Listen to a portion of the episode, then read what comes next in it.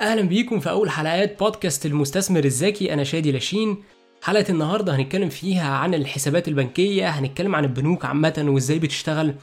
هن... هنتكلم عن إيه الحاجات اللي لازم تاخدوا بالكم منها لما تفتحوا حساب في بنك ليه يفضل إن أنتوا تفتحوا حساب في بنك أونلاين. دي كلها حاجات هنتكلم فيها. خليكم معانا.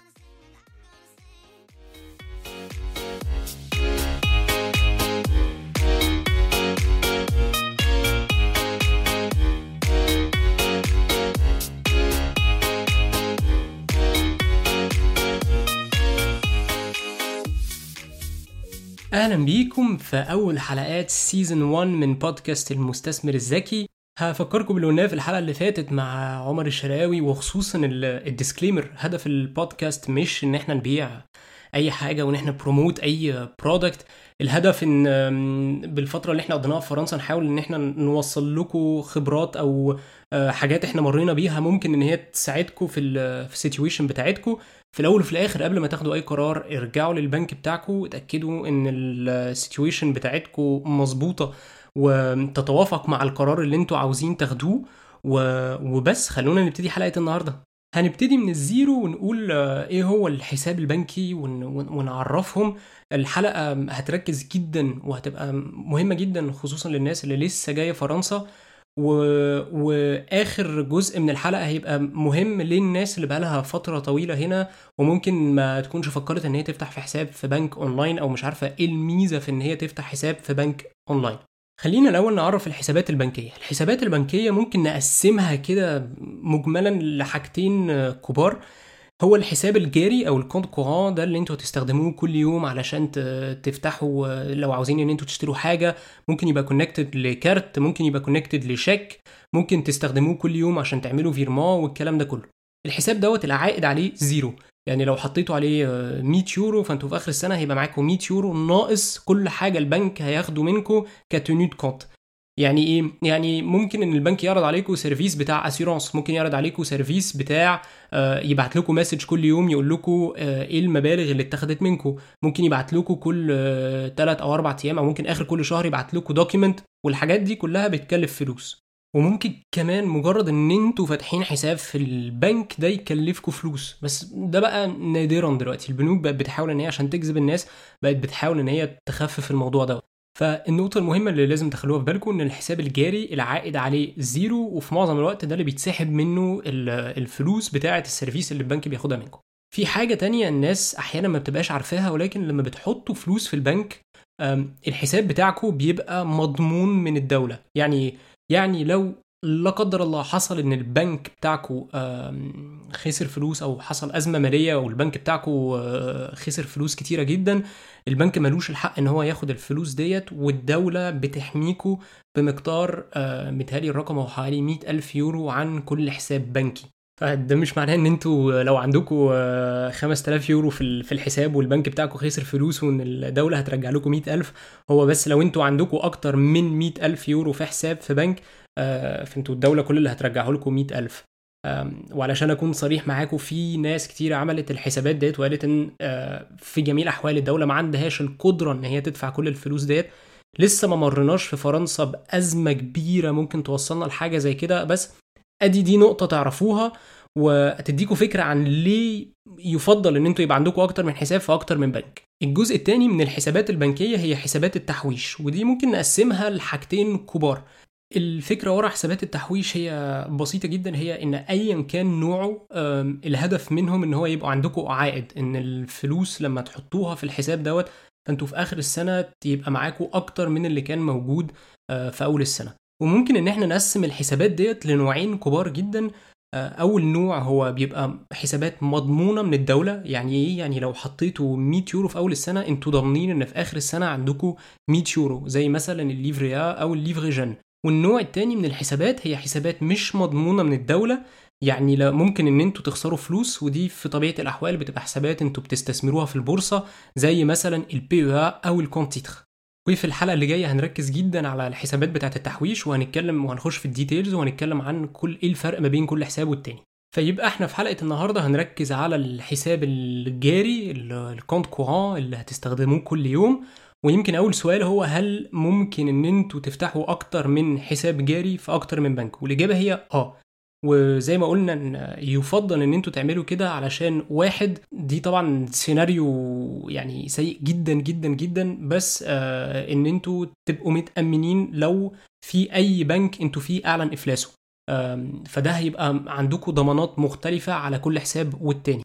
عمليا كون إن أنتوا فاتحين آه، حسابين في بنكين مختلفين ده هيخليكم تستفيدوا بإن ممكن يبقى عندكم كارتين ممكن تستفيدوا بال limits بتاعت كل كارت والتاني ممكن لما في يوم من الأيام تحبوا تاخدوا كارد هيبقى أسهل إن أنتوا مع كل بنك تشوفوا rate تشوفوا مين هيعرض عليكم أحسن rate ممكن كل بنك يديكوا خدمات مختلفة سواء لو كنتوا بتسافروا بره سواء لو كنتوا هنا. في بنك تاني ممكن يبقى مفيد في في إن أنتوا تستخدموه كحساب تحويش أو كحساب للشيك أو الحساب اللي بينزل عليه المرتب والحساب التاني هو الحساب اللي بتصرفوا منه. فعمليا في ميزات كتيرة ممكن إن أنتوا تستفيدوا بيها. بس في مشكلة كبيرة جدا والمشكلة ديت هي كل ال frais أو ال fees اللي هتدفعوها كل سنة. وعلشان تفهموا الموضوع دوت لازم تعرفوا إزاي البنوك بتشتغل وازاي بيعرفوا يخبوا شوية ال fees اللي هما بياخدوها منكم كل كل شهر أو كل ثلاث شهور أو حتى في كل عملية. البنوك وهنا بنتكلم على البنوك ال retail اللي هي بتتجه للأفراد بتكسب فلوسها من حاجتين كبار جدا. أول حاجة هو الفايدة. الفايدة لما لما تروح تشوف البنك وتقول له أنا عاوز آخد قرض عشان أشتري بيت أو علشان أشتري عربية أو أي حاجة أو حتى قرض étudiant ممكن فالبنك بيسلفك فلوس وفي المقابل بياخد فايدة آه، عالية ودي بتفيد إن البنك بيكسب فلوس من وراها. الحاجة التانية هي كل ال fees اللي البنك بياخدها وإحنا اتكلمنا عن الموضوع ده بسرعة لما قلنا ال frais de tenue de compte بس في الحقيقة البنوك بتاخد frais في تقريبا حاجات كتيرة جدا. مثلا لو قررتوا إن أنتوا تسحبوا فلوس من الكارت بتاعكم أكتر من 3 أو 4 مرات في الشهر لو عاوزين إن الحساب البنكي بتاعكم يتبعت لكم format ورق لحد البيت لو استخدمتوا الكارت بره فرنسا لو لمجرد إن أنتوا تفتحوا الحساب بس زي ما قلنا دي بقت حاجة يعني rare جدا واللي أبسط من كده جدا هي ال fees اللي بياخدوها على الكارت بتاعكم. لو أنتوا واخدين فيزا عادي وعاوزين ان أنتوا تاخدوا كارت أحسن شوية بيسمح لكم إن يبقى عندكم limit أعلى وتستخدموه بره فرنسا أو الإنشورنس اللي عليه أكبر بكتير. فدي كلها حاجات أو فرص البنك ممكن إنه يستفيد منها علشان ياخد ياخد فيزا. فانتوا ممكن جدا لو عندكم حساب في البنك تلاقوا إن على آخر السنة بيتاخد منكم 150 يورو أو على مدار السنة بمعنى دق بيتاخد منكم 150 يورو. نضرب ده في حسابين 300 يورو مبلغ كبير. ملوش أي معنى النهارده ملوش أي معنى إن أنتوا تدفعوا مبلغ زي ده في بنك. unless أنتوا بتدوروا على services زيادة يعني مثلا اللي هي ال limit الأعلى وال insurance الأعلى والكلام ده كله. هنا ساعتها okay ليها معنى إن أنتوا تعملوا حاجة زي كده. إنما لو بتدوروا على حساب آه تحطوا فيه فلوسكم وتستخدموه كل يوم ويبقى عندكم كارت فعلا ملهاش أي معنى خالص إن أنتوا تدفعوا مبلغ زي دوت آه كتير جدا ويبقى أحسن إن أنتوا تستفيدوا بيه وتبقى الفلوس دي عندكم. وعلشان كده بنتكلم على البنوك أونلاين أو ال néobanque اللي مكسرين الدنيا دلوقتي في فرنسا وفي أوروبا. وناس كتيرة بتتكلم وبتقول طب ليه ما أروحش عند néobanque؟ لأن ده أسهل بكتير وال fees أقل ودي حقيقة. لو فكرنا فيها بطريقة منطقية جدا بنك آه، زي Boursorama آه، مش محتاج ما عندوش أي agence مش محتاج إن هو يدفع كل المصاريف ديت مش محتاج إن هو يشغل آه، عشرات الألوفات من الناس يبقوا واقفين في agence مش محتاج التعامل دوت اللي هو ال face to face ما عندوش الويه ما عندوش ال charges اللي ممكن بنك كلاسيكي يبقى عنده. ف البنوك الأونلاين النهارده عندها ميزة كبيرة جدا جدا إن ال fees تقريبا عليها شبه zero. يعني لو عايزين تفتحوا حساب على بنك ده بالعكس ده البنك ممكن يدفع لكم فلوس وتقعدوا 3 4 5 20 سنة ما بتدفعوش أي حاجة على ال compte courant و... ودي الميزة الكبيرة للبنوك الأونلاين والميزة ديت هتحسوا بيها أكتر لما تبتدوا تخشوا بقى في حسابات البورصة اللي هو الحاجات زي ال PEA أو اللي هنا لو أنتوا بس عاوزين تشتروا order بنك أونلاين هيكلفكم 10 مرات أقل من أي بنك كلاسيكي لأنه مش محتاج مرة تانية إن هو ياخد fees على كل transaction أنتوا بتعملوها. أما بقى لو عاوزين لو أنتوا بقالكم فترة هنا في فرنسا وعندكم حساب already بقاله فترة طويلة وعاوزين تعرفوا البنك بياخد منكم كام فالقوانين اتغيرت من كام سنة والبنك دلوقتي بقى مجبر إن هو يبعت لكم على الأقل مرة كل سنة. في العادة بتبقى في يناير أو في فبراير بيبعت لكم document بيقول لكم هم أخدوا كام منكم على مدار السنة. كل يورو كل سنتيم اتاخد واتاخد ليه؟ ال courrier ده بيتبعت لكم كل سنه بصوا عليه هتلاقوه يا إما يتبعت لكم بال بال بال poste عادي يا إما هتلاقوه موجود على ال site بتاع البنك في الحته بتاعت ال documents مجبرين إن هم يبعتوه لكم. دوروا عليه اعرفوا أنتوا بتدفعوا كام اعرفوا أهم من كده اعرفوا أنتوا بتدفعوا ليه. آه لو لقيتوا في فلوس بتتاخد من غير أي سبب كلموا البنكيه بتاعكم قولوا له أنت ليه بتاخد مننا الفلوس ديت؟ إحنا عاوزين شرح. ممكن إن أنتوا تقولوا له إحنا مش عاوزين السيرفيس دوت وتوفروا فلوس وتستفيدوا بيها. وقبل ما أخلص الحلقة خليني خليني أشرح لكم ليه الوضع هنا في فرنسا وفي أوروبا عامة مع البنوك صعب جدا في الفترة ديت وليه البنك بيدور على كل فرصة إن هو ياخد منكم فلوس أو ياخد منكم فيزا. زي ما قلنا البنك بيكسب فلوسه من ناحيتين الفايدة اللي بياخدها على القروض والناحية التانية هي الفيزا. من حوالي 10 أو 15 سنة لو كنتوا عاوزين تاخدوا قرض عشان تشتروا بيت كان عادي جدا إن أنتوا تدفعوا 4 أو 5% دلوقتي الوضع اتغير وبقيتوا ممكن إن أنتوا لو عاوزين تاخدوا قرض عشان تشتروا بيت ممكن تدفعوا 1% ممكن حتى أقل من كده.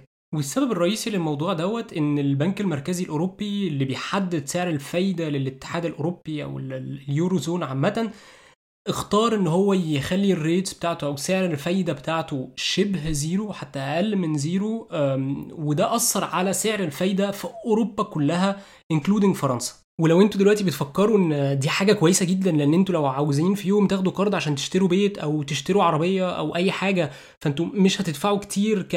ك... كفايدة ودي بالنسبة لكم حاجة كويسة. فانتوا صح تمام. بس بتنسوا حاجة مهمة جدا إن ده معناه برضو إن أنتوا لو سبتوا فلوسكم في البنك على ال Livret A أو على Livret Jeune أو على الحاجات اللي بتبقى مضمونة من الحكومة فانتوا بنسبة كبيرة مش هتكسبوا عليهم أي حاجة خالص.